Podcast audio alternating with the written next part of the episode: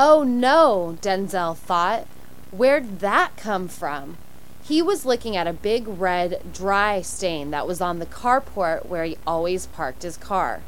There was only one thing to do check his power steering fluid and his transmission fluid, both of which are red.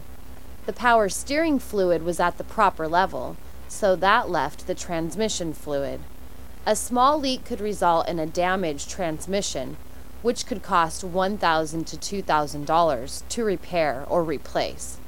Denzel did not have 1,000 or $2,000. Denzel was not sure about how to check his transmission fluid level, but he found the instructions in his car manual. They were not complicated. He ran his engine for about 15 minutes to get it up to normal operating temperature.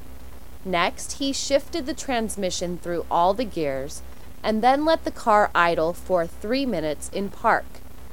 Then he pulled out the dipstick. The fluid was at the correct level. Denzel breathed a sigh of relief. As he drove off in his car, he wondered if he would ever find out the cause of that stain. Or would it be one of those mysteries of life, like the mystery of why his last girlfriend had left him? Why did you break up with me? He had asked her on the phone a while ago. I thought everything was going well between us.